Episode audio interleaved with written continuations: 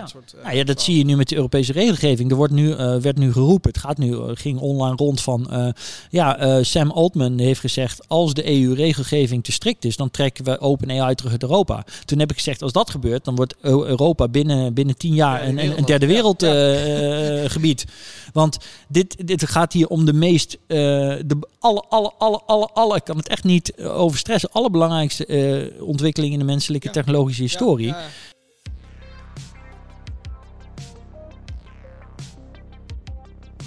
Dit is de Lighting VR podcast. Ik ga niet al te veel zeggen. Dit is namelijk Argon Meulendijks, a.k.a. It's Mr. Metaverse.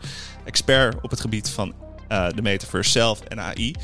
Ehm, ga er vooral lekker voor zitten. Luister goed naar deze man, zijn kennis. En eh, ja, hij kan fantastische verhalen vertellen. Dus veel kijk- en luisterplezier. heeft gedaan. Nou ja, het, het, is, het is ook het gemene, want je hebt tegen Ralf gespeeld en dat is niet onze beste eh, speler. Ook Dus nog ja, eens? Ja, ja, ja. Mijn god. Daarom mocht hij meedoen, om een beetje te oefenen. Hij weet wel de beste posities volgens mij. Ja, precies. precies, precies. Hey, kun jij een beetje over jezelf vertellen? Ja, wat wil je horen? Ik, ik heb Alles. eigenlijk altijd een, eh, een regel dat ik nooit iets over mezelf vertel vooraf. Maar ik snap dat het bij podcast niet hetzelfde is als een keynote. Ehm, ja, wat zal ik... oh, ik zit te denken, wat zal ik vertellen? Want overal is mijn introductie nu... Hij had zijn eerste Commodore 64 in 1987. hij is al een early adopter sinds hij een kind... was. Eh, Dat soort verhalen. Maar Oké, ja, laten, we, laten, we, laten we gewoon anders insteken. Eh je hebt net gespeeld met jouw achtergrond. Wat Ja. vond je van de VR? Ja, eh, ik zei het al. Dit is in ieder geval de beste VR-ervaring die ik heb gehad tot nu toe. En ja, er zijn, er zijn veel dingen die daar een rol in spelen. Het gebrek aan, aan latency, gebrek daaraan, eh, dus in dit geval positief, was belangrijk. Maar wa- wat, wat ik met name heel prettig ervaarde, wat doorspeelde in, in de VR-experience, is jullie eh, oog voor, detail. Eh, Wat je zo vaak ziet bij VR-experiences is dat ze een headsetje hebben en eh, je krijgt wat controllers. En punt is gewoon, eh, immersion gaat over alle zintuigen. Ja. Niet alleen over het visuele zintuig. En dat is ook het hele verhaal nu bijvoorbeeld met de Metaverse, maar zullen we het straks wel over hebben. Dat mensen gelijk dan denken, oh het is virtual reality of whatever. Nee, het gaat over alle zintuigen. En hoe meer zintuigen je kunt betrekken, hoe beter. Want de manier waarop het brein werkt is dat eh, het reali- realisme in ons vermogen om iets te herinneren... eh, is afhankelijk van hoeveel zintuigen gebruikt worden om die herinnering te ankeren. En als je dus een, een, eh, een, een, een, ervaring wilt creëren waar mensen met veel plezier aan terugdenken, dan moeten die zintuigen daar allemaal in betrokken zijn, inclusief emotie. En bij heel veel VR-experiences tot nu toe, die hebben wel eens het idee van hoe we gaan iets vets doen met zombies. Maar dan krijg je een paar controllers in je handen gedrukt in eh, een of andere ruimte waar de, de, de lag continu net te hoog is en je headset niet goed functioneert. En je, je gun die, die, die ziet er vast uit, maar die beweegt twee losse handvaten en dan wordt het gewoon echt allemaal weer net niks. En dan zie je de mensen om je heen lopen met armen die in hun nek frommeld zitten en benen die... eh, ja, en dat is gewoon net naar. En dat hadden we gewoon net allemaal niet. En dat maakt het gewoon, dat is een wereld van verschil, ondanks dat het maar kleine details lijken. Het zijn kleine details, maar het klopt wat je zegt. De balans, de balans van de gameplay en, en de balans van de microfoon voor je.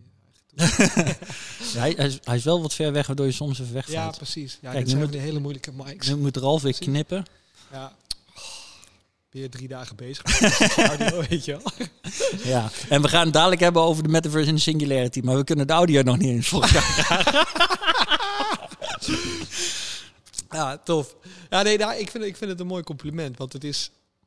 Ik vind het leuk, want echte VR-gaming, multiplayer, dat is voor jou dan nog redelijk nieuw. Nou ja, in die zin nieuw. Ja, wat is nieuw? Ja, god, tijdsrelatief. Ik heb mijn eerste VR-headset in 2012. Dat was dus toen de, de, de laatste VR-winter eh, afliep. eh, Lucky Palmer met Oculus eh in één Oh, keer ja. wereldnieuws Ja. was. En de DK1 had ik nog net niet besteld. De DK2 had ik wel in de pre-order. Dat was ook moeilijk, want ik moest doen alsof ik een developer was. En ik weet helemaal niks van code. Maar goed, dat, dat ding kreeg ik uiteindelijk thuisgestuurd. En ehm, toen had ik dus alles al klaargebouwd. Want je moet je voorstellen, ik doe dingen niet half. Net zoals jij, denk ik. Nee, nee. Dus ik had die VR-headset besteld. Besteld en ik had, eh, ik had een, eh, een, heette toen nog gewoon, hoe heette dat, Cybercats of zo, eh, hands-on throttle Logitech set en alles. En ik had alles al klaargebouwd met armen onder mijn bureau geschroefd en dan kon ik het eronder uitschuiven. En, Want mijn eerste use case was in mijn hoofd al, dat was, we waren toen een game aan het ontwikkelen, Elite Dangerous. En dat was dan, zeg maar, je had Star Citizen en Elite Dangerous werden in die periode aangekozen. En Elite Dangerous was een, een, een 3D remake van een, een game uit de jaren 80. En Elite Dangerous had aangekondigd dat zij native VR-support erin zouden bouwen. En dat was best wel een groot ding. Zeker En- in die tijd. Ja. Ja, ja. Dus ik, ik had eigenlijk maar één doel met die DK2. Ik wilde gewoon de- echt Han Solo zijn. Ik wilde gewoon Han Solo zijn. En dit ding kwam dus aan. En ik had alles al klaar. De hotels, hoppatee, alles. En ik had toen nog een Duitse vriendin. En ja, die liet dat dan ook allemaal maar gebeuren. Eh, ja, en eh, nou, dat ding kwam binnen. Ik heb dat ding erin geschroefd. En ik heb echt al alle andere demo's die mensen doen. Weet je wel, die rollercoaster was toen Ja. een dingetje. En dat soort dingen. Dat heb ik allemaal overgeslagen. Ik ben rechtstreeks, hoppatee, Elite Dangerous ingaan. En ik was zelf zo gek. Want nu heb je natuurlijk ChatGPT praat terug. Maar in die tijd was dat nog niet. En ik had dus een programmaatje Voice Attack. En die had ik echt met uren werk voorgeprogrammeerd. Met allemaal heel specifieke commando's voor dat schip.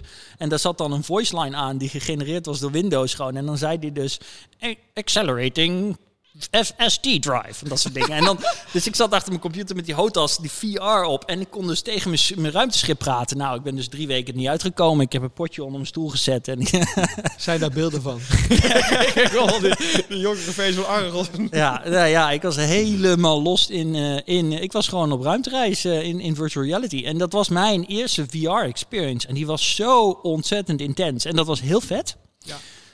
Het enige probleem daarvan was dat het daarna ook alle andere dingen heel snel heel erg tegenvielen. En Je kunt niet punt, meer in een rollercoaster gaan zitten. Nee, en, en het punt met een, eh, een space sim of een flight sim is dat je ook geen last hebt van misselijkheid. Want dat heeft alles te maken met je perceptie, omdat je ruimteschip blijft stabiel. Je kijkt naar buiten en dan zie je buiten dingen bewegen. En dan, dan zeg je hersenen, oh, is prima. Het klopt. Het klopt, het klopt. Ja.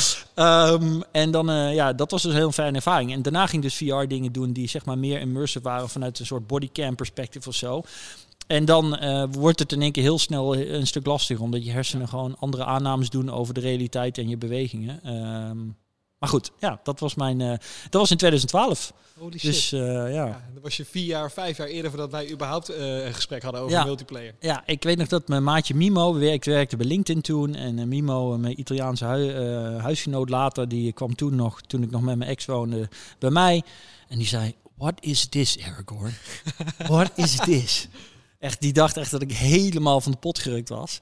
En eh, het mooiste is dus dat in 2016, dus het was ongeveer toen jullie begonnen toch? Toen begonnen wij. Ja, toen, toen zag hij een eerste keer een artikel van Matthew Ball over de metaverse. Want Matthew Ball is nu natuurlijk bekender van het boek, maar hij was Ja. in die tijd artikel aan het schrijven. En toen had, heeft Mimo dat artikel gelezen. En toen heeft hij een VR-demo gehad op kantoor. En toen appte hij mij, want toen werkten we op dat moment niet meer samen. Toen appte hij mij, Aragorn, I'm sorry, I finally understand. En eh, ja, vanaf dat moment... eh, Wat stond er in dat artikel? ja, dat artikel was gewoon over dat de toekomst al helemaal gaat om, om eh, verdere integratie. Maar Matthew Bol benadert de metaverse natuurlijk heel erg vanuit virtual reality. Hè? Ja. Virtual, eh, interoperable, eh, Ja. eh, infinitely scalable worlds with the synchronous, eh, syn- synchronous multiplayer experience. Eh, min of meer, dat is zijn definitie. En, en dus Mimo zei, oké, nu begrijp ik het. Dit is de toekomst. Dit is gewoon heel vroeg de toekomst. Dit is zeg maar de Mercedes, of de, dit is zeg maar de, de, de, de eerste Benz van Carl Benz eh, in 1883. En, en jij bent met je hoofd al bij de Tesla in 19 eh, of 2000. Precies, eh, zij, gaan, zij zijn bezig met de auto en jij bent bezig met elektrisch ja, rijden. precies. Ja, ja, ja, ja, ja. Grappig. Dat gevoel hebben wij hier ook wel eens. Als we dan met avatars bezig zijn en dat mensen... Oh, dit is VR. Dat, oh ja. Ja. Ja, Ja, dat is het. Ja. En, en, en hoe maak je die vertaalslag dan? Want ik heb ook wel eens in andere posts van jou gezien van ja, het is niet alleen VR. Nee, het is zeker niet alleen VR. Ehm, nou ja, kijk, weet je, mm, laat ik vooropstellen ehm, dat ehm, ik daar ook min of meer, kijk, ik denk ook in de dimensie tijd. Ja? Ja, Dus de metaverse is misschien ergens in de toekomst is dat wel iets waarbij alles zo goed als VR is en een, en een groot deel AR. Want eh, kijk, het scheidingsvlak tussen AR en VR, daar had ik het van de week over, is natuurlijk ook een heel interessant scheidingsvlak. Ja. Want waar ligt dat nou precies?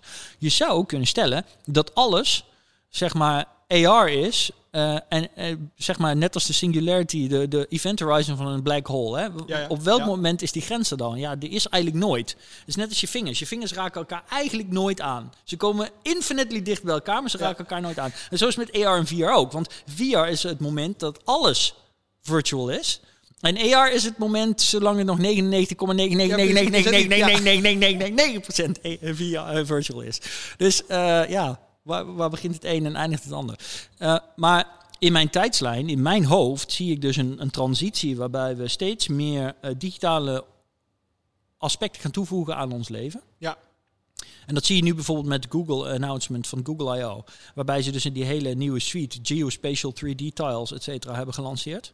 Ja. Dus dan kun je in één keer een 3D-tile maken voor je shop. Dus je, je winkel op straat heeft in één keer buiten een driedimensionaal uithangbord wat je met AR kan zien. Dat is nu een, een nice to have in principe, want hoeveel mensen lopen er continu met hun telefoon... Wacht even. Hoeveel mensen lopen er continu met hun telefoon in de hand? Ja, bijna iedereen. Maar goed, ze lopen natuurlijk, ze lopen natuurlijk niet allemaal met AR eh, Nee. aan.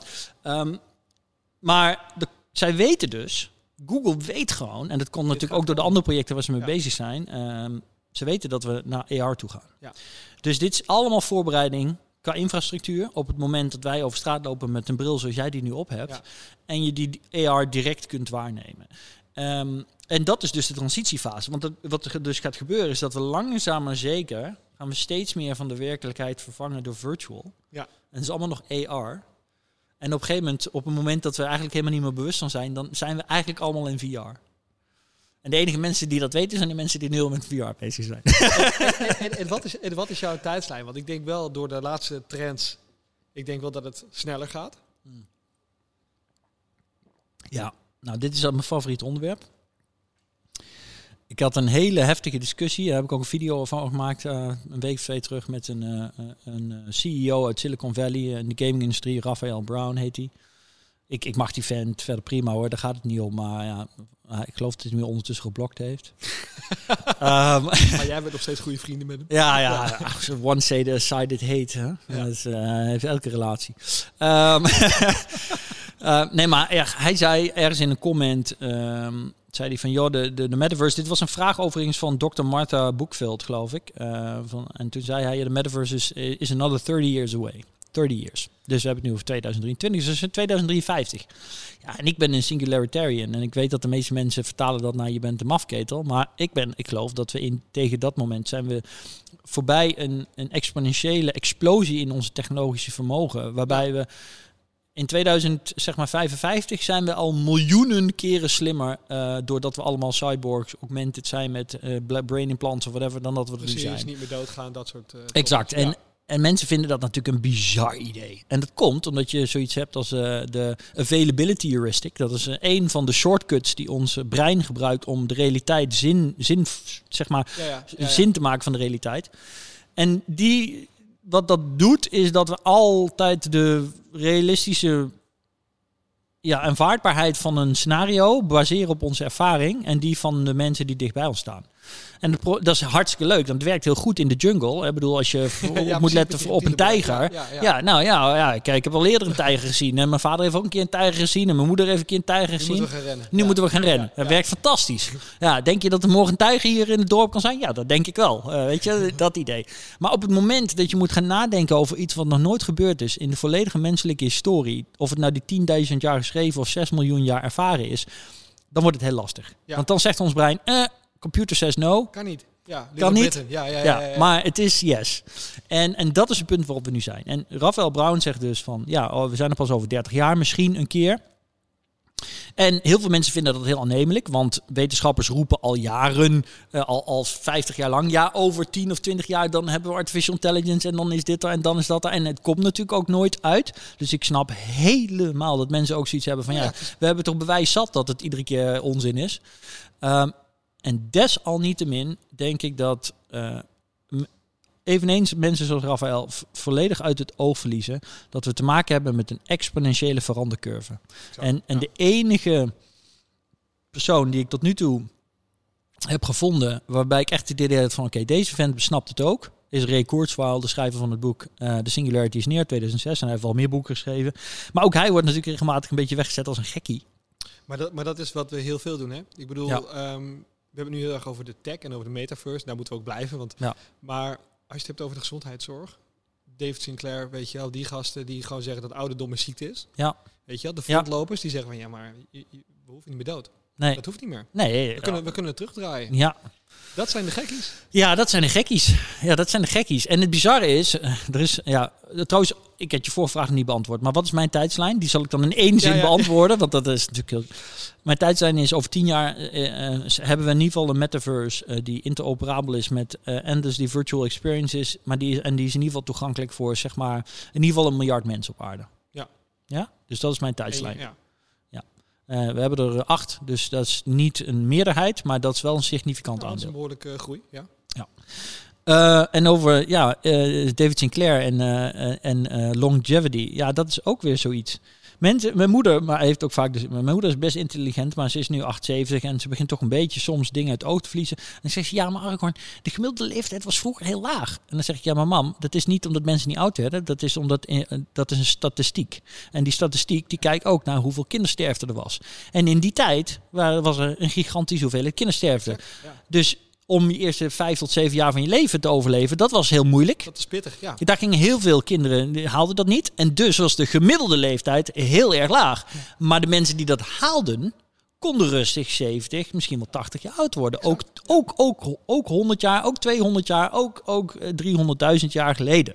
Ja? Sterker nog, in de industriële periode hebben we een korte fase gehad waarin mensen inderdaad minder oud werden. Maar dat had met name te maken omdat we in een fase zaten waarbij ze dan bijvoorbeeld een, eh, een, eh, een, a- een, eh, lucifersfabriek hadden. En dan hadden ze allemaal van die gigantische potten met gif. En daar hingen die mensen dan de hele dag boven om dat te maken. En die hadden geen flauw idee dat je cellen dan gewoon van je ge- gezicht afvallen op een gegeven moment. En je tanden uit je mond. Ja. Dus die mensen die werden inderdaad een stuk minder oud voor een, eh, ja, voor een, een periode van zeg maar tussen, tussen, ja, tussen 17, eh, 1750 en, eh, en 1900 of zo. eh, gingen er heel veel Maar- mensen maar aan dat- allerlei dat, dat soort dingen doen. Dat is iets waar jij continu mee te maken hebt. Ja. Dus dat de fact-changing is. Hè. Dus het klopt. Dat, Ja. dat, maar dat eh, goed kijken naar de statistieken. Wat staat er nou echt en waar komt er nou echt vandaan? Exact. En waar Ja. jij dus je eindverhaal op? Ja. Ja, en ik kijk heel veel naar de historie. Ik kijk heel veel naar geschiedenis. Maar altijd met de gedachte in mijn achterhoofd dat eh, verandering niet lineair is, maar exponentieel. En, Ja. en dat kun je ook echt wel zien als je in de menselijke historie terug gaat kijken. Want je ziet dat de tijd die er tussen paradigm shift zit, dat die steeds korter wordt. Ja. Alleen, er is een soort... En dat, dit is eigenlijk iets, dan kun je een, uh, een, een, eh, een parallel trekken aan VR. Ehm, als je een VR-experience ingaat, dan heb je een moment dat je, eh, dat je even een soort discomfort hebt omdat je moet wennen. Ja. Ja, en dan Ja. ben je eraan gewend. En ehm, hoe, hoe, hoe groter die veranderingen zijn, hoe beter je dat voelt. Eh, maar het kan bijvoorbeeld ook zijn hoe sneller ze achter elkaar komen, hoe beter je het voelt. Maar op een gegeven moment eh, eh, wen je daar gewoon aan. En, en, en, en wij zijn eigenlijk, omdat veranderingen niet een bepaalde threshold hebben gebruikt over de afgelopen zoveel duizend jaar, ehm, ervaren we dat niet als heel erg in, intens. Hè, we hebben een verandering Nee, en dan wennen we de, hebben we genoeg tijd om eraan te wennen. En dan hebben we de volgende verandering en hebben we genoeg tijd om eraan te wennen. En dus denken we dat alles altijd hetzelfde is geweest. Ja. En nu komen we voor het eerst in een tijdperk dat mensen beginnen te merken dat de veranderingen zo snel komen dat je geen tijd meer hebt om te wennen. Alleen dat willen ze niet accepteren. Dat wil niemand accepteren, want Nee. ja, dat is eng, dat is, dat is vreemd en dat is gevaarlijk. En eh, ja, Nou, dat vind ik een hele interessante. hè. Ik heb het aan mijn moeder laatst uitgelegd. Die zei, ja, ChatGPT, ze gaan de wereld overnemen. Ik zei, nee man, ik zeg, hou, we het even heel simpel houden. Ken je nog spellingscontrole? Ja. Zie het maar even zo. ja, ja, Een heel uitgebreide versie van spellingscontrole. ja. Maar dan kan straks niemand meer lezen en schrijven.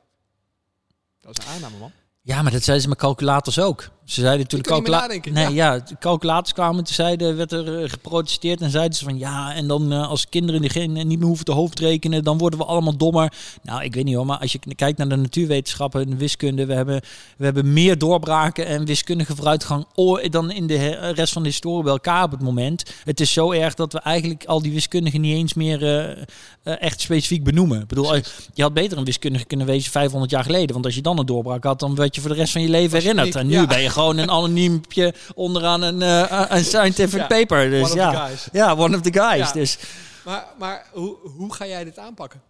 hoe ga ik dit ja, aanpakken? Ik, ik, zie het, ik zie het dan zo. Hoe zorg je dat je niet een gekkie of in die hoek gezet wordt. Of Ja, maar- misschien ben je dat al, of misschien zien mensen dat zo. Nou ja, kijk, Hoe pak jij dat aan? Want ik, Ja. Nou ja, enerzijds doe je nu misschien, eh, misschien ook niet, je stelt me vraag, maar zou je de aanname kunnen doen dat ik het vervelend vind om een gekkie te zijn? Nou, dat is dus niet zo. Dus, dus in die zin interesseert het me niet zoveel.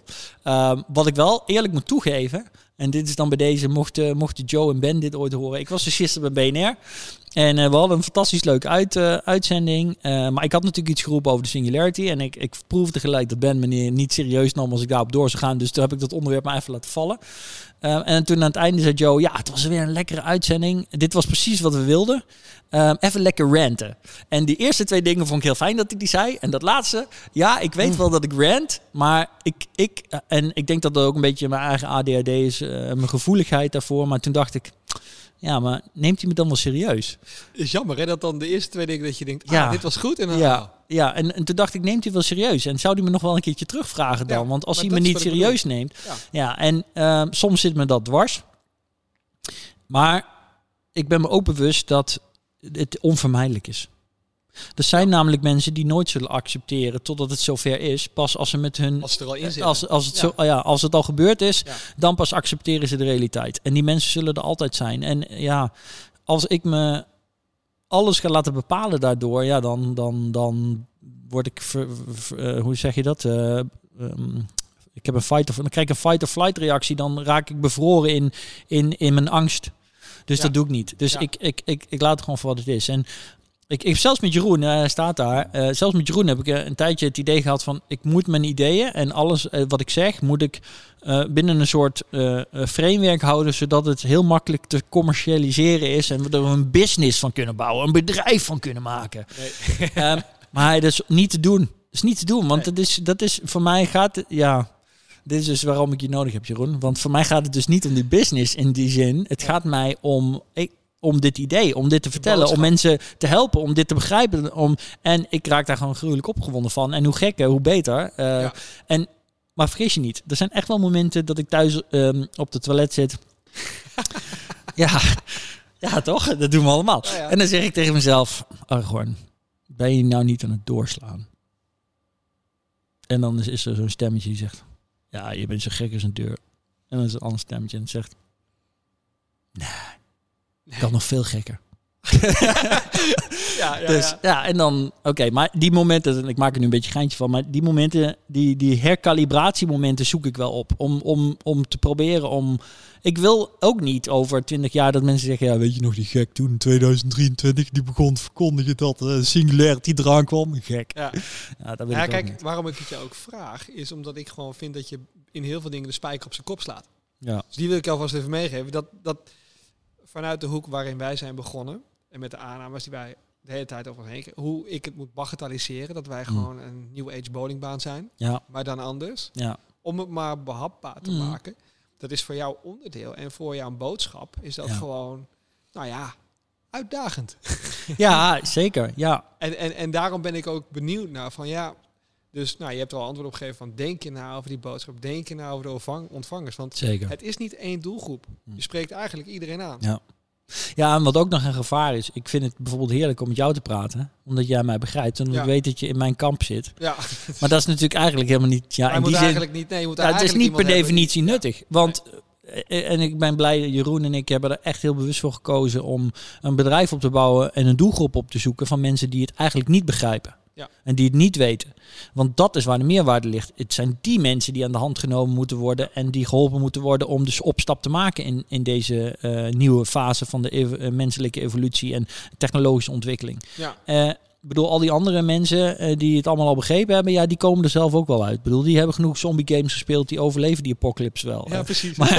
toch? Ja, maar het zijn die andere mensen die, waar, waar ik me zorgen om maak. En, en sommige, maar het punt is, sommigen verzetten zich zo heftig. We zaten bij eh, van de week dus bij eh, een keynote. En nou, toen eh, stond ik op het podium en toen zei ik van, ja, denk maar eens na, over 100 jaar geleden waren er toen foodtrucks, zei ik. En er zit er dus één persoon helemaal achter in de hoek en zo, ja, er waren toen ook al foodtrucks. Ja. Dan weet je al precies wat voor vlees je in de kuip Ja. hebt. Want dat is dus zo iemand die wil gewoon niet. Nee. Dus die is gewoon op zoek naar iets waar die kan zeggen dat, je, dat jij het fout hebt. En ja, die mensen tref je. En dat kan me soms heel frustreren. Dat zou ik niet ontkennen. Eh, maar aan de andere kant, ja. Er zijn ook genoeg mensen die achteraf naar me toe komen. En dat geeft me trouwens echt heel veel energie om dit door te zetten. En hier echt gewoon mijn levenswerk van te maken, zou ik bijna zeggen. Mensen die me dan op LinkedIn een berichtje sturen en die zeggen... Aragorn, ik dacht echt van dit, eh, dit is allemaal onzin. Maar toen hoorde ik dit of dit, deze video van jou. Ja, En toen dacht ik, wow, nu snap ik het. En dat zijn momenten, en dan zit ik met kippenvel op het toilet dus. en dan denk ik van, zie je wel, zie je wel, ik doe toch iets goed. Ik doe toch Ja. iets goed, ja. Hey, vertel even over je bedrijf. Vertel even over eh, Ja. die doelgroepen die je dan daarmee ook probeert aan te snijden en hoe je dat aan het doen bent. Ja, nou je, je vroeg straks over wie ik dan ben. Nou ja, kijk, ik heb ooit geschiedenis gestudeerd en diplomatie. En, en toen ben ik gewoon van, zeg maar, een drop-out. Ik heb mijn universiteit niet afgemaakt, want het leidde allemaal niet toe. En ik wist niet wat ik aan het doen was en wat dan praktisch nut was. En toen ben ik bij de IT gaan werken, want ik kon wel heel goed, zeg maar, die vertaling maken van techneut naar normaal persoon en andersom. Nou, Ja. dat herken jij waarschijnlijk ook wel. Ehm, maar ik had nooit het idee dat ik echt bezig was met mijn passie. En nou, toen kwam COVID en toen was ik gedwongen. Toen was ik al een tijdje bij LinkedIn weg. En toen was ik voor mezelf begonnen met. En zat ik in de sales. Probeerde ik mensen te leren LinkedIn te gebruiken voor sales. En was er, ik er wel goed in, maar Ja. echt heel leuk vond ik het ook weer niet. En toen werd ik gedwongen, want toen viel alles in het water bij mij. Toen werd ik gedwongen om het anders te doen. En toen ben ik zeg maar eerst Unreal Engine kant ingerold. Een academy gaan bouwen met iemand online. Dat was een beetje lastig zaken doen. En toen bij een van de klanten die ik op dat moment had gewerkt, was een bedrijf uit Utrecht, Jom, Your Open Metaverse. En die hebben me toen gerecruit om bij hun te komen werken en hun marketing te gaan doen. Ehm, althans, initieel was het helemaal niet. Ze wilden gewoon dat ik daar kwam werken. Er was initieel niet eens sprake van dat het marketing zou zijn, marketing, sales, whatever. Dat hadden ze zelf niet duidelijk. Die waren dus wel een beetje al zeg maar, geraakt door mijn bevangenheid waarschijnlijk. Maar ze Grappig. Dat, ja. ja. En, ehm, en dat was voor mij echt wel een fantastisch mooie ommekeer. In die zin dat het me purpose gaf en me het de overtuiging gaf dat ik daadwerkelijk van mijn passie mijn werk kon maken. En mijn passie is bezig zijn met deze emerging technologies Ja. en hoe dat onze ervaring en ons leven beïnvloedt. En daar heb ik eh, Jeroen Heeland ontmoet. En eh, wij deden samen de marketing en dat was gelijk echt eh, top. Want Jeroen is alles wat ik niet ben. Gestructureerd. denk na over hoe je daadwerkelijk geld kunt verdienen. In plaats van alleen maar Onmisbaar, verhalen te jongens. Vertellen. zijn onmisbaar. En ja, dat, was gewoon top. En nou, er kwam er dus een punt dat wij een fantastisch idee hadden van, ja, men, zeg maar op een conferentie waar ik had gesproken namens dat bedrijf, werd ik eh Mr. Metaverse genoemd. Dat was gewoon iemand riep in één keer op, op een idee van, hey, het is Mr. Metaverse. En zo kwam dat. En, en toen dacht ik, ja, dat is eigenlijk wel een eh, leuke, leuke geuzennaam. Ja. Die, die pak ik mee. En ehm, ja, nou, toen zei Jeroen van, ja, dat is gewoon de brand. Daar moeten we gewoon Ja. wat mee. Dus wij wilden bij Jom al dat als de de marketingstrategie zeg maar een beetje uitrollen. Gewoon die personal branding, wat ook zo belangrijk is op dit moment, koppelen aan, aan een business brand. Want met alleen een business brand kom je er gewoon niet. Je hebt een gezicht en je hebt een et cetera nodig. Nou, helaas, eh, tot ons beide spijt, we- werd dat niet volledig bij hun ook zo gevoeld. Dus op enig moment eh, ja, konden we niet samen verder. En toen zei Jeroen, zullen we, gewoon- ja, ik weet niet of Jeroen, ik, ik heb al in mijn hoofd is het Jeroen niet tegen mij zei, maar Ja. misschien was het gewoon het moment daar, weet ik niet. Maar van zullen we gewoon, je gaan gewoon iets Mr. Metaverse bouwen. En, eh, want het was eerst Mr. Metaverse, maar dat was natuurlijk overal al weggekaapt. Ja, tuurlijk. Ja. En toen zat ik dus op Instagram, dit mag iedereen best weten. Ik, eh, ik volg bijna geen vrouwen op Instagram, want je wordt ermee doodgegooid. Zo. Ja, Nou ja, je hebt het over op Ja. de wc zitten en dan...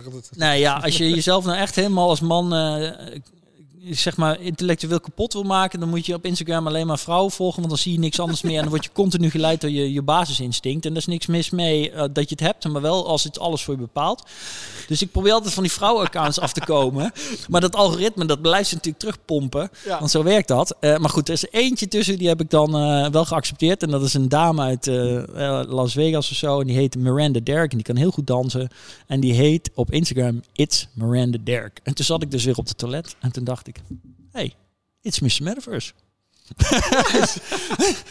en eh, ja, zo gezegd, zo gedaan. En die was natuurlijk overal beschikbaar. Dus gelijk alle handles geclaimd. eh Ja. Hoe heet het? Trademarks, eh, copyright, hoppatee, bam. En eh, Trui drukken en ja, met die ja truien drukken, t ja, dat Ja. was allemaal Jeroens idee. Truien Ja. drukken, t-shirts, caps. Ja. Ja, It's Mr. Metaverse, IMM. En ja, onze missie is gewoon heel simpel. Wij nemen jou als executive of manager of wat dan ook mee in de reis van exponentiële eh, economische en eh, eh, societal change als gevolg van technology. Vet. Ja. Punt. Punt, ja. Ja, ja dik. ja. hey, en... ehm, Oké, nou ben ik toch een beetje nieuwsgierig, want je hebt dit nu gezien. Mijn bowlingbaan. Ja, Onze bowlingbaan. ja. Elke executive in de wereld zou hier even langs moeten komen. Wat, zou jij, wat zou jij met jouw visie... Doe eens een voorspelling. Waar staan wij over vijf jaar? Waar zijn jullie over, Ja, vij- ja. over vijf jaar? Ja, dat is al wat heftig, hè? Zullen we ook gewoon een jaar doen? Een jaar? Nou, een jaar is een beetje saai. Ja, doe vijf. Ja, het kan wel een hoop. Ah, misschien een jaar is wel interessant om even over te... Oh, gewoon, en dan kunnen we dit over een jaar terugluisteren. Precies. Ehm, een jaar. Nou, ik denk dat op dit moment we zien. De spotlight is op AI. De spotlight is op GPT en alle andere large language models. Ja. Voor de luisteraars, als je niet weet wat het Straks, is. sorry dat ik je onderbreek. Valt me nog mee, dit wordt de eerste keer. Maar je moet ook even dat ding vertellen dat ze terugpraten. Ja, oh ja, dat ze terugpraten. Ja, Die moet je even in je eh, jaarding verwerken. ja eh, gaan, we, gaan we doen. Ja, nou ja, goed. Ja, large language models is, is, is de hype van dit moment. Eh, artificial intelligence, waar je interactie mee kan hebben, die ja, eigenlijk beter is en, en natuurlijker is dan alles wat we tot nu toe ervaren hebben. En dat is, ja, omdat het zo in de spotlight staat, ehm, zijn we ons daardoor niet meer bewust van een hele hoop andere ontwikkelingen. En dit zei ik ook gisteren bij BNR. Want dan zeiden ze, ja, de metaverse, wat is er dan in AR? Gaat het nog gebeuren? Het punt is, eh, de hype, zeg maar, de aandacht in de wereld is misschien er niet. Maar er zijn meer technologische doorbraken en ontwikkelingen aangekondigd en eh, gebeurd dit jaar vanaf januari tot nu dan in de, in de drie jaar, vier jaar ervoor. Ja? Ja, dat is niet normaal. Er is alleen niemand die Nee. dit in de gaten hebt, want iedereen zit alleen maar naar GPT te kijken. Ja, precies. En wat nou nog bizarder is, is dat misschien, nou goed, ik, dit is even uit de mouw geschud, maar ik, ik zou zeggen 9 van de 10 van die ontwikkelingen zijn het gevolg van AI. Dus Nvidia hè, bijvoorbeeld aangekondigd dat ze een eh, gigantisch verbeterde versie van DLSS hebben. En DLSS is het eh, eigenlijk reduceren van de compute die je nodig hebt vanuit een graphical processor, een video, videokaart, om iets op high fidelity te gaan renderen. Door middel van een neural network. En dat is, een neural network is ook wat achter GPT zit. Dus die artificial intelligence die maakt het in één keer mogelijk dat ze eh, zeg maar eh, efficiëntieslagen, gigantische efficiëntieslagen maken, die niet afhankelijk zijn van de hardware. Dus we hebben nog steeds zeg maar de hardware groei, die eh, elke 5,7 maanden geloof ik kon- wordt die compute nog verdubbeld. Ja. En tegelijkertijd zien we dus nu aan de achterkant dat via software, wat in de hele tijd stil lag, die compute gigantische slagen ook maakt. Nou, niet te ver uitweiden, want we hadden het over wat doen we hier over een jaar. Maar dit is een belangrijke ontwikkeling, want dit betekent dus dat nu hebben we hier VR. En wat is jouw grootste uitdaging? Je grootste uitdagingen zijn latency waarschijnlijk. ja, is- Ja. Eh, het genereren en renderen realistisch, fotorealistisch van Ja. driedimensionale ruimte met multiplayers erin. Eh, dat soort dingen. Ja? Eh, en, en scenario's. Want jullie hebben nu twee of drie games. eh, en op een gegeven moment is het natuurlijk zo als mensen een keer gespeeld hebben, of twee keer of drie keer, dan wordt het herkenbaar. Playability, Play- zeker. playability. Zijn. Nou, Ja. Maar dit zijn dus allemaal problemen die binnen nu een jaar eigenlijk zo goed als niet meer bestaan. Of in ieder geval significant gereduceerd gaan worden. Want wat gaat er allemaal gebeuren? Nou, de AI gaat ervoor zorgen dat die latency met een giga eh, hoeveelheid naar beneden gaat. Want je krijgt nieuwe compressiecodecs, dat soort dingen door die AI ontwikkeld. Waardoor er veel meer data veel sneller verstuurd kan worden. De rendering gaat naar beneden. Jouw GPU-behoeften gaan beneden. Want je kunt dus met goedkopere kaarten kun je hoge fidelity gaan draaien. Eh, je, je gaat krijgen dat de interacties in de werelden, die kunnen voor elke groep anders zijn. Sorry, want je krijgt gewoon procedural generated AI rendered worlds. Dus je hebt gewoon hier een Unity staan, er zit een AI in. En de, de mensen komen binnen en die zeggen tegen die Unity ding van oké, we willen graag een game spelen in het Wilde Westen. En dan willen we dat we aangevallen worden door drie bendes. Nou, hoppatee, bam. Dat wordt gewoon gegenereerd. Vijf minuten later is het er en dan kunnen ze gewoon die u, wereld wilt u nog wat drinken terwijl u wacht? Ja, nou misschien is dit niet over een jaar, maar over twee jaar in ieder geval wel. Dat weet ik zeker, daar ben ik wel redelijk van overtuigd. En het is niet alleen maar meer zombies knallen, maar het is ook in die game staat een eh, sergeant te wachten of een sheriff van het dorpje in Westworld waar je, waar je komt. En, eh, en je zegt van, eh, who are you? We're, uh, we're from the West. En dan weet ik veel, we're looking for some, uh, some bandits around here. Weet ik veel, zoiets. En, dan, en dan zegt hij, oh yeah, we've seen those bandits around here. Just follow me, we go around this corner right here. Zo, i- iets in maar het wordt gewoon een natuurlijke interactie, weet je wel. Dus eh, niet meer van, oh eh, ja, ik moet nu kiezen uit eh, keuze A, ja, we gaan links. Keuze B, we gaan rechts. Ja, nee. wat je met de Black Mirror. Oké, Precies, met de Black Mirror. Ja, Ja, eigenlijk, kijk, in zoveel opzichten was Black Mirror fantastisch, maar er zijn ook wat, wat ik met name in sci-fi en dit soort dingen zie, is dat ze eigenlijk één giga belangrijk aspect compleet over het hoofd hebben gezien. Keer op keer op keer. Ook Matthew Ball met zijn voorspelling van de metaverse. Ja. Helemaal niks geroepen over AI. En ik, ik riep het een jaar geleden al van waarom is dit niet in het boek? Waarom heeft hij niet over AI? En ehm, Star Trek bijvoorbeeld. Ja. Zo bizar. Ze hebben in Star Trek hebben ze ruimteschepen, die hebben allemaal AI. En, en het enige wat die AI doet is yes of no zeggen eigenlijk. En de rest zitten ze nog allemaal... En ja, ik vind Star Trek fantastisch, begrijp me niet Ja. verkeerd hoor. Maar dat is natuurlijk heel bizar. Je hebt dus een AI ja. die het hele schip kan bedienen. En dan zitten mensen nog op knoppen te drukken. Ja. En, en dingen uit te rekenen. En dan zit er, zit er een piloot die dan heel snel de schermen moet vliegen. Maar die doet dat dan door op knoppen te drukken. Nou, we weten allemaal dat dat niet werkt als je ooit een flight sim hebt gespeeld.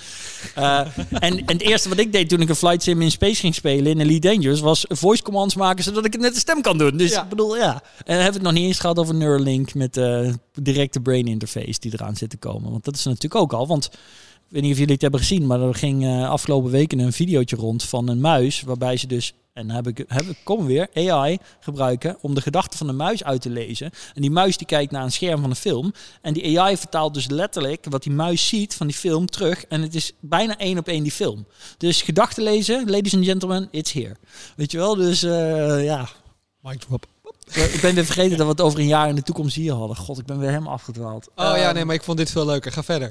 maar goed, maar om terug te komen hier dus. Dus over een jaar heb je hier ehm, eigenlijk super fluid experiences. Ja. Die kunnen worden aangepast aan, op basis direct van de wensen van de mensen die binnenkomen. Dus je hebt eigenlijk eindeloze hoeveelheid scenario mogelijkheden. Je, je hebt niet alleen shooting, maar je hebt ook nog interacties met artificial intelligence NPC's in die environments. Waardoor ze het idee hebben dat je echt met mensen praat en een, en een avontuur aan het beleven bent. Dus misschien tegen die tijd moet je wel gaan nadenken over een hele dag die tenten uitverhuren. Want dan gaan ze dus op een echt Westworld avontuur. Maar zou je dan, dan heb je het over, je kijkt niet meer een serie, maar je speelt een serie. Exact. Alleen die serie is nog niet geschreven, Exact. want die wordt geschreven op de basis van wat jij speelt. Exact. En die vertakking, Exact. En jij had het over Netflix eerder. De toekomst, en dit heb ik ook al een paar keer geroepen. ehm, in de toekomst is Netflix niet meer een platform waar jij een serie gaat kijken. Maar in de toekomst is Netflix een artificial intelligence waar jij zegt van joh, eh, ik wil graag een verhaal of een leven of een avontuur beleven met deze aspecten erin. Of wat min of meer hierop lijkt. En dan de rest mag je zelf invullen. Dus het wordt eigenlijk een soort, we krijgen virtual reality met eh, Dungeons and Dragons Ja. en, en Netflix. En, en als jij dan een heel vet avontuur hebt bedacht samen met je AI, wat je hebt beleefd thuis, dan ga je dat viral delen op wat dan TikTok is of zo. En dan gaan andere mensen dat ook beleven. Dus de content wordt in de toekomst door mensen zelf gemaakt, door de consument. En niet meer door filmdirectors en actors en dat soort dingen. Ja, misschien is dat er nog wel. Ja. Maar we gaan gewoon heel veel content samen, maar in collaboratie met AI. En dat komen ze hier dan ook doen. Want jij hebt natuurlijk de samen. state-of-the-art tech. Want Ja. wat jij dan hebt, niet over één jaar, maar over tien jaar is dat. Dan hebben we thuis wel bril. Maar dan kun je nog niet eh, aanraken of ruiken of dat soort dingen. Dat zal misschien nog lastig zijn. Dus over tien jaar kom je dan hier om, die, om echt op vakantie te gaan. Ja, en ik sowieso even daar even punt. Holy shit. Eh, maar ik denk dat er nog één heel belangrijk aspect zit. Wat je nu het gewoon hier hebt. En dat is ruimte. Ja. Gewoon iets heel basaals. Ja, dit is echt een heel Ruimte. goed punt wat je nu noemt. Ruimte. Ja. Want Weet je hoe is- vaak ik thuis over de bank ben gestruikeld? het, is iets wat ik aan, mijn, aan onze franchise partners nu elke keer moet uitleggen. Ja, Wat zijn Ja. nou? We got, uh, it's, city, it's, it's, it's a city center of London. ja, ja, dat snap ik wel, vriend. Ja. Maar de USP van je product, Ja. bewegingsruimte in je spel. Ja. 5 bij 5? Leuk. Ja. Minimum is 10 bij 10. ja, Het minimum is eigenlijk te weinig. ja. En nee, je moet er geen 14 mensen in gooien. Nee, mooi verdienmodel, maar ze komen niet terug. nee, nee. nee. En die, die moet nog even vallen. Maar Ja. ik denk dat dat voor de Ja. toekomst ook de reden is dat mensen terug gaan komen. Ja, de vraag is natuurlijk ook even, want in, in, in eh, Ready Player One, dit, eh, die marketing, ik kan het wel afschieten. Maar goed, Re- Ready Player One, eh, de film, dus niet die rare avatars van tegenwoordig, met die andere naam. Ready Player One zie je op een gegeven moment aan het einde een scène dat ze in die bus aan het rondracen zijn. En dan hangen ze in al die touwen in die bus. Ik weet niet, kun je dat ja, nog ja, ja, ja, ja, ja. Dat, maar in die film waren ze best wel al daarmee bezig. Van ja, maar hoe doe je dat dan in een virtual space? Limited space, hoe ga je dan toch in een virtual suit en dat dan toch ervaren? En eh, ik vond, het, ik vond het best wel knap dat ze daar al zo goed over na hadden gedacht. Ja. Eh, en in de Matrix zie je ze ja. ook natuurlijk hangen in een, in een setup. eh, waardoor ze wel als het ware aanwezig zijn. Maar in de Matrix hebben ze dat dan opgelost doordat je volledig daar bent en dus je lichaam niet meer beweegt. Ehm, Nog steeds. maar dat wordt natuurlijk, Ja. ja. dat is totdat we dat hebben gefixt. En, en daar zijn ze nu ook al tien jaar mee bezig. Hè? Want ik bedoel, je hebt ze vast wel gezien van die Omnia pads waar je dan op moet lopen. En het, is, Zeker. het ziet er allemaal leuk uit, maar het is allemaal vreselijk hoor. Ik heb het allemaal geprobeerd. en Het is allemaal, maar het is allemaal net niet. Het, is niet lopen, het is gewoon. Ja, ja, het is vreselijk. Dus zolang we dat niet hebben gefixt, eh, denk ik ook niet dat we er komen. Maar goed, ook daar. hè, Maar, daar- maar daar kun je ook omheen werken. Want wij Daar kan je zitten- zeker we omheen zitten, we zitten nu al met eh, spelmodellen dat we zeggen, ja, maar oké, stel je nou voor, jij, jij zit thuis. Hoe kun je dan meedoen aan deze veldslag? Ja. Kun je vliegen? Kun je in een tank zitten? Mhm. Dus dat wij gewoon, eh, en dat zal denk ik de eerste stap zijn. Ja. Dat wij de slots openbaar gaan maken. Hey, om 12 uur is er een groep die gaat die sp- game spelen. Mhm. Meld je aan, log in, speel mee. Ja. Ja. En dat je dan wel met 15 man tegelijk een game kan spelen, maar dat je, dat je Ja. vliegeniers hebt of wat dan ook. Ja. Weet je wel. Ja, het zou me niet. Er was natuurlijk pas al een dame op Twitch. Die heeft dus eh, Elden Ring helemaal uitgespeeld met een eh, ECG headset. Dus die heeft gewoon haar brainwaves gebruikt om het spel te spelen. Dit is gewoon al. Dit is gewoon nu, hè? Dit is gewoon dit is Ja, nu ja. op dit moment. Ik bedoel, mensen zeggen tegen mij, oh, gewoon je bent goed wijs, maar dit is gewoon de Het realiteit. gebeurt. Het is Ja. al gebeurd, ja. En het is mijn overtuiging ook wel, als ik kijk naar de ontwikkelingen met Neuralink en dus eh, nu eh, die, die, die resultaten met AI en die muis, dat is geloof ik uit Zwitserland. Ehm, hebben jullie het. Ik vind het is sick. Ik, moet, dat- ik moet dat nog even checken, maar die had Ja, dat is niet. echt heel sick. Echt heel sick. Eh, Het is ook een beetje eng soms, maar het is ook heel sick. Maar Wat, vind je, wat vind je er eng van? Aan nou ja, kijk, gedachten lezen aan zich? Of, eh, Nou ja, het is natuurlijk, ik bedoel, eh, eh, Tristan Harris en ehm, Raza zeggen natuurlijk van de Center for Humane Technology en AI Dilemma, zeggen ze van, regelgeving moet ontstaan voor dingen die we niet eerst niet kenden. We moesten op een gegeven moment het recht om niet gefotografeerd te worden of dat soort dingen hadden we niet, want daar hadden we nooit behoefte aan. En nu in één keer werd dat een ding. Het, het, recht, om, ding, ja, ja. het recht om vergeten te worden door digitale, door software bestond niet. Hebben we moeten bouwen. En zo is het hier natuurlijk ook. We hebben nog nooit het recht moeten vastleggen op papier dat mensen je gedachten niet mogen lezen. Dus in principe is dat onbeschermd. Er is nergens waar staat dat dat niet mag. nee, Waarom? Omdat niemand kon. nee. Maar nu is die technologie er dus. En ja, oké, bij die muis is het nog een implantaat. Maar ze zijn al aan het experimenteren met headsets die min of meer het zeg maar vormfactor ja. hebben van AirPods. Die dus tussen die twee dingen kunnen ze de, de bloedstromen in je hoofd registreren. En op basis van waar die bloedstromingen zich bewegen, kunnen ze dan weten wat je denkt. Ja, en daar kun je een neural network op zetten. En die kan dat beter analyseren dan, dan eh, welke mens dan ook. En dan heb je dus, in, in- kun je dus, je kunt dus zien dat in een hele korte tijd, in 10, 15 jaar kan het zomaar zo zijn, dat je Apple AirPods niet alleen maar geluidsdevices zijn, maar gewoon een, een, een, een apparaat wat weet wat jij denkt en daarmee jouw Argon, je interactie bent kan een beetje gestrest. We gaan even naar regenwoud muziek. Ja, ja, precies. Ja, ja, her wordt dan gewoon een ding. Oh. Ja, ja. Dus, eh, maar, maar goed, eh, op Amazon is natuurlijk een fantastische serie eh, pas het eerste seizoen gelanceerd. Ook weer gebaseerd op een boek van Neil Stevenson. Zeg ik dat trouwens goed? Of was het William Gibson? Nou goed, de, de Peripheral. Ja. Ehm, en de Peripheral is echt een topserie. Kan ik echt aanbevelen. Als je van sci-fi houdt, helemaal heerlijk. Maar daarin hebben ze dus, je hebt een soort headset. Die zet je op en daarna heb je dus controle over een synthetisch lichaam. En dat beleeft wat. Maar dat kan dus ook in een virtual space zijn. Want een virtual of physical, Ja, dat maakt dat- natuurlijk eigenlijk nee. helemaal niet meer uit dan. En dan heb je dus op dat moment worden... En Ray Kurzweil schrijft hij dus in zijn boek van 2006... De, de Singularity, schrijft hij dus al over de onderzoeken die op dat moment bestaan... om dit soort technologie eh, realistisch te maken. Want op dat moment kan die technologie dus... eh, jouw eigen zenuwen aftappen en het signaal opvangen. En ook zorgen dat jouw lichaam verder geïmmobiliseerd wordt. Net zoals dat lichaam dat natuurlijk doet als we slapen. Want dan gaat er hier zo'n switch om ja. in onze nek. En dan kunnen we niet meer eh, liggen te shaken in onze dromen. Hè? Eh, behalve die bonen, die hebben we nog steeds elke ochtend. Dit kan je eruit editen, Ralf. Ehm, en, maar, en die gaan die signalen gaan naar je virtual body. Ja. Ja, dus dit wordt ook gewoon een realiteit. Want daar waren ze toen al mee bezig. En Ja. geloof het of niet, wat heb ik gisteren op LinkedIn gepost? Er is dus een man die nu een jaar lang implantaten heeft. Die was dus voor, had een dwarslezing. Kon niet meer lopen. Gezien, ja. En die heeft nu een jaar een eh, im- implant die, die eh, dwarslezing overbruggen. En hij kan gewoon bewegen. Ja. Maar wat het allervetste is, en dat, maar iemand zei dat in de comments, want ik had het initieel niet erin gezet. Maar dat ik het allervetste vond, was dat, dit heeft overigens niet met VR te maken, maar doordat hij die implantaten heeft ingebouwd en weer kon lopen, zijn zijn zenuwen begonnen zich te herstellen. Sick. En dat is Sick. echt, dat is de Sick. sikke shit. Want dan heb je dus die mensen zoals Dr. Joe eh, eh, Es- Espinoza, of weet die, eh, Es- nou, die, die, die heel lang verhalen en boeken schrijft over hoe die dus helemaal hersteld is na zijn dwarslezing. En dan zeggen heel veel mensen, ja, dat is onzin en die spirituele bullshit. Maar hoe, je het ook uitlegt, die man was dus wel iets op het spoor waar we dus nu met de wetenschap weer Komen we nu achter. komen we nu achter hoe het zit. En dit is natuurlijk wel een dingetje wat veel gebeurt, is dat we eh, dat er dingen worden waargenomen, die worden dan zomaar weggeschoven van ja dat kan niet of dat is niet mogelijk of wat dan ook. En dan later komt de wetenschap erachteraan en dan denken oh maar nu begrijpen we dat het Ja. toch kan, want want er zijn mechanieken die we niet hadden begrepen. En, en ah, dan trek ik weer de parallel met eh, bijvoorbeeld plastische chirurgie na de Eerste Wereldoorlog. Plastische chirurgie was toen begonnen als eh, vakgebied om de honderdduizenden soldaten die compleet misvormd terugkwamen te helpen om weer een soort normaal leven op te bouwen. Wat is plastische chirurgie vandaag? Hè? Zo kan het zich ontwikkelen. Het begint altijd Oh, met helpen. link, hè? Ja. Ja, en Ja, nou ja, hoop ik niet dat we in de toekomst allemaal een soort van eh, eh, virtual bimbo's worden, maar het cyborg bimbo's. maar het, het idee is natuurlijk, het, het begint met hulp en het gaat verder in augmentation. Dus het is voor mij bijna ja, het 100%, het is gewoon 100% zeker dat eh, ergens in de komende 20 en 30 jaar eh, gaan we implantaten krijgen die ons vermogens aan gaan vullen. Johnny Mnemonic, eh, extra Maar geheugen. Denk jij dan nog steeds dat het 20 of 30 jaar? Ik denk dat dat veel eerder gaat gebeuren.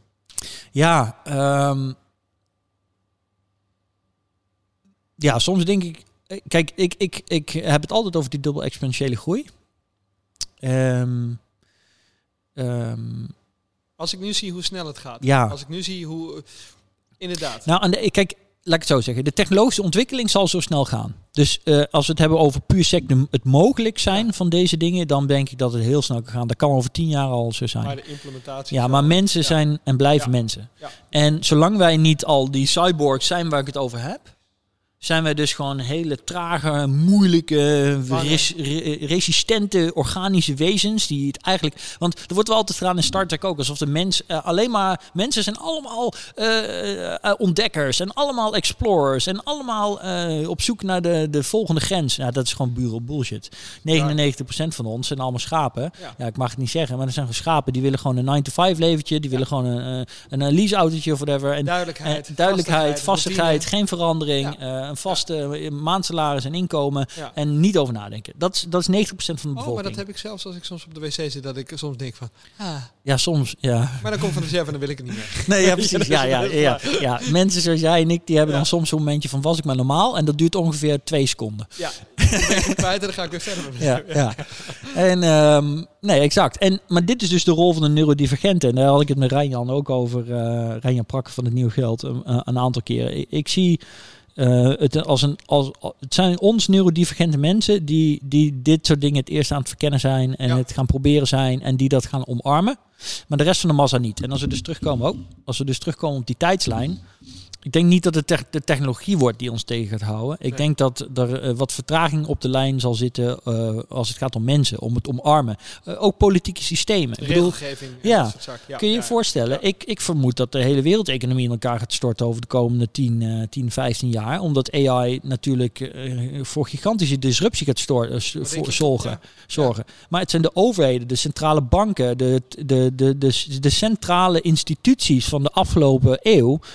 Die niet weten hoe ze hiermee om moeten gaan. Niet, eh, eh, Niet snel op ze. Exact. om, niet de eh, snelheid hebben, niet de systemen hebben om daarop te ageren. En dat is waar de vertraging in gaat zitten. Want dat zie je nu met de coins en dat soort... Nou ja, dat zie je nu met de Europese regelgeving. Er wordt nu, werd nu geroepen, het gaat nu, ging online rond van, ja, Sam Altman heeft gezegd, als de EU-regelgeving te strikt is, dan trekken we OpenAI terug uit Europa. Toen heb ik gezegd, als dat gebeurt, dan wordt Eu- Europa binnen, binnen tien jaar een, een, derde Ja, wereld ja.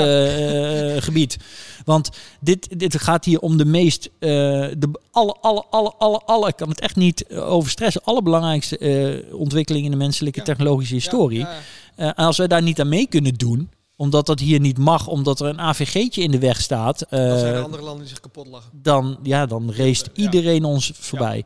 Is, is ook waarom ik denk dat heel veel derde, gebieden die nu nog tot derde wereldgebied worden gerekeld in de wereld. Ik, ik ben ervan overtuigd dat die in de komende 10, 15 jaar eh, een soort leapfrog gaan maken en Heeft andere er landen gaan een mooi eh, ding op gedeeld? eh, qua eh, bewonersaantallen? Oh ja, ja, dat, ja. Die ja vond ik dat even mindblowing. Ja, Ik, ik zat er te kijken. Ik denk, Ja. wat, was nou? Het was India en... eh, Ja, India en China hebben en samen eh, eh, zoveel mensen dat zelfs als de rest van de wereld zou verdubbelen, dan zouden ze nog steeds minder mensen hebben. Ja, ja en daar staat niemand bij stil. Hier in Europa ook. In Ierland woon ik toen en daar zit LinkedIn en Google. En wat ik daar heel erg merkte, nog meer dan hier in Nederland, is er wordt altijd naar Amerika gekeken. Ja. In Amerika gebeurt het. In Amerika, daar weet ze hoe het zit. Ja, Amazon is al bijna tien jaar aan het experimenteren met drone-routes. Heeft er nog niet één live. Terwijl in Hongkong al, eh, geloof meer dan 200 drone-routes zijn waar deliveries met drones worden gedaan. En dit heeft niks met VR te maken. Dit heeft met adoptie te maken. En dan zeggen ze, ja, maar de echte innovatie gebeurt in Amerika. Nee, er zijn misschien nog drie of vier dingen waarop innovatie in Amerika gebeurt. Dat is de EV-industrie, dankzij Ja. Tesla. Dat is de space-industrie, dankzij SpaceX. En dat is, eh, de- nou, wat zal het nog zijn? Ehm, AI in dit geval. Verpand genoeg alle drie bedrijven waar Elon Musk bij betrokken is geweest. Dus daar kun je ook vragen over eh, stellen. En Elon Musk is geen Amerikaan, maar Zuid-Afrikaan. Overigens wil ik dan ook nog even opmerken. Ehm, dus is het werkelijk Amerikaanse eh, innovation? Ik Ja. weet het niet. Maar wat zegt Elon Musk meest recentelijk? Hij, is, hij heeft Twitter ge- overgenomen en hij gaat werken aan de Everything app. En waar is de Everything app al een realiteit? China. In China, Ja. exact. Ja. Dus eh, de rollen zijn al omgedraaid. Eh, Het punt is alleen, Europa kijkt niet naar Azië en China, omdat er een gigantische cultuur en, en taalkloof is. En dat maakt het lastig. Ja, ja, ja. Dat, misschien, misschien kunnen we die nog even zo trekken. Dus we hebben nu gezegd over een jaar wat het qua tech en wat het gaat doen. Ja. En wat houdt het in om over een jaar eh gamer te zijn? Het houdt het in om over een jaar gamer te zijn. Nou ja, ik denk dat de ontwikkeling die we natuurlijk al gelukkig al de afgelopen 10, 20 jaar langzaam zagen, eh, zich sterk door zal zetten. En dat is dat gamers veel meer een eh, geaccepteerde positie in de samenleving krijgen. Ja. Want ondanks dat we nu in een tijd leven, eindelijk waar je over de A15 of de A2 kan rijden en de billboards hangen van KPN met de gigabitverbinding. Speel met je vrienden dit weekend. Dat was natuurlijk eh, ondenkbaar tien jaar geleden. Ja. Ehm, volwassenen die nog gameden, dus iedereen over de 20 die nog gameden, ja, dat waren nietsnut, de Moest je een druk, drugsverslaafden. s'avonds. Ja, dat, precies, dat, ja. dat waren mensen die ja, Ja. dat waren mensen die niks met hun leven deden en sociaal awkward waren en ik weet allemaal niet wat. En, eh, en, en dat stigma heerst natuurlijk nog wel, maar het neemt natuurlijk in toenemende mate af. Omdat Ja. mensen zoals jij, ik, Ralf en Jeroen, die allemaal ook gewoon nog eh, eh, gamen en wel volwassen zijn en ook gewoon relatief wel succesvol zijn in het Ja. leven, dat is nu die generatie. Die trend die gaat zich natuurlijk significant voortzetten. Ja. Jij en ik zijn dan ook tien jaar ouder. Ik bedoel, dan ben ik 50. Dat betekent dus dat er een significant aantal eh, mensen is in de hogere regionen van ook grote bedrijven, managers, executives, die gewoon Die gamen. gamen en die Ja. daar ook eerlijk voor uitkomen. Wat gigantische impact gaat hebben op de natuurlijke ehm, eh, manier hoe we erover nadenken. Maar ook aan de Universiteit van Enschede, waar heel veel onderzoek wordt gedaan naar gaming, bijvoorbeeld door eh Janneke Scholte, eh, assistent-professor geloof ik. Daar blijkt steeds meer uit dat één om twee uur gamen in de week, bijvoorbeeld het doen van zo'n zombie game zoals we net hebben gedaan, Ja. dat dat bijdraagt eh, tot 20 tot 30 procent verbetering van ons snel vermogen om snel beslissingen te nemen, ons ruimtelijk inzicht. Maar ook ons, ons ruimtelijk inzicht in de abstracte vorm. Het kunnen overzien van verschillende perspectieven en posities. Ehm, dus het heeft positieve voordelen voor het brein. En gamen achter je PC was natuurlijk nog altijd lichamelijk niet zo goed. Want weet ook, als je buiten gaat lopen, dan gaat je brein geactiveerd worden. Is heel goed voor je. Ja. Gamen is dus in die zin niet zo gezond als je heel lang op, op je kont zit. Maar we zien nu die transitie naar AR en VR in steeds grotere mate. Eh, Apple staat nu klaar om de Reality eh, Pro eh, headset te gaan lanceren. Niantic heeft al een nieuwe game gemaakt als opvolger van Pokémon Go. Heeft al een samenwerking met Qualcomm en met Ray-Ban. Ehm, dus over tien jaar is het bijna gegarandeerd dat we een gigantisch, of althans een, een significant aandeel van de samenleving, dus eh, gaming als een, een heel natuurlijk vast onderdeel van de dag zullen hebben. Ja. Eh, en, en daarmee wordt het dus eh, om gamer te zijn in één keer gewoon de mainstream. En dat wordt wel interessant, denk ik. Ik denk dat het, ik ben het sowieso met je eens, maar ik denk dat het ook in de hele onderwijssector. Oh, dat gaat. oh, dat wordt, dat, dat wordt zo leuk. Uren over praten. het wordt, het wordt waanzinnig. ik ben zo jaloers Ja, op die kids. Echt waar. Echt. waar. Ik bedoel, ik, waarom is het dat mensen van onze generatie en ouder eigenlijk altijd alleen maar positieve gedachten hebben over hun biologieleraar of hun, wis of hun geschiedenisleraar? Ja. Ja. meestal. Als ze heel slim waren, kan het ook wiskunde en natuurkunde zijn. Maar het zijn meestal de eerste twee. Het komt omdat dat de vakken zijn die zich het meest leenden voor mooie verhalen. Precies. En, en, en, en, en, ja. en verbeeldingsvermogen. Hè? Bij biologie kon je inbeelden hoe die cellen zich door het lichaam bewogen. Of hoe die dieren over de aarde renden. Of die dinosauriërs of whatever. En bij geschiedenis had je die geschiedenisleraar die die mooie verhalen konden vertellen over Stalin en Lenin en ik weet allemaal niet wat. En, en de ridders en et cetera. En daarom vonden we dat fantastisch. Al die andere vakken waren super boring. Want ja, dan eh, spelling, Hier ligt- hier ligt- hier grammatica, ligt Zwolle. en ugh. Ja. Weet je, en ja, hier ligt Zwolle, bol.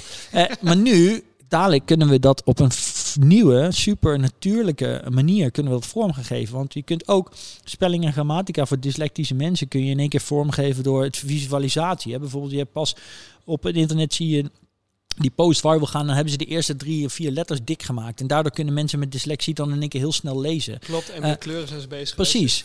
Lijp, ja. Nou, als je dit soort dingen dus gaat integreren in bijvoorbeeld AR, waarbij jij dus een boek voorgeschoteld krijgt en je, en je klikt, eh, oh, standje ADHD. Oké, nou dan veranderen alle letters, de derde is rood, weet ik veel, whatever. Ja, ja, Hey, ja. dan, en dan denk ik, hoppatee, het werkt. En dan dat je, maar dat je dan ook nog kunt zeggen tegen je AI van, oké, maar eh, visualiseer het nu eens. Want als je bijvoorbeeld in China wiskunde krijgt, dan, dan doen ze vaak eh, optellen en aftrekken, en, eh, nee, vermenigvuldigen en delen geloof ik, en dan tekenen ze dat. En, dan, en door te tekenen begrijpen ze, doen we in het Westen niet. Maar dat kan dus voor sommige mensen veel beter werken. Maar door dus AR en AI te gaan combineren, kun je dat soort concepten kun je dus veel sneller leren en kunnen precies aangepast worden aan de student op basis van jouw eh, neurodivergentie of whatever. Dus we gaan een tijdperk in waarin leren in één keer voor iedereen gewoon heel leuk wordt. Zelfs super saaie dingen kunnen in één keer heel leuk worden. Het kan een avontuur worden. Ja, wat dat betreft ben ik echt, echt super jaloers. Super jaloers. ja. Hartstikke bedankt voor je komst, man. Ja, dankjewel dat ik mocht komen. kletsen. Jullie hebben me En, lekker laten renten. Heerlijk. Ja, fantastisch. Pats. Wat zeg je? Geen flauw idee. Argon, waar kunnen we jou vinden, man? Nou, we hebben allereerst een fantastische website waar iedereen even naartoe moet. En dat is uh, itsmrmetaverse.com natuurlijk. Maar eh, ik ben eh, zelf met name actief op LinkedIn. En dat is ook waar je het meeste van direct authentieke, straight from the mouth of the horse eh, content van mij kunt vinden. Eh, en daarnaast zijn we natuurlijk ook op Instagram, Twitter en dat soort dingen. Allemaal at itsmrmetaverse. Dus zeg super makkelijk. Thanks, man. It's my pleasure.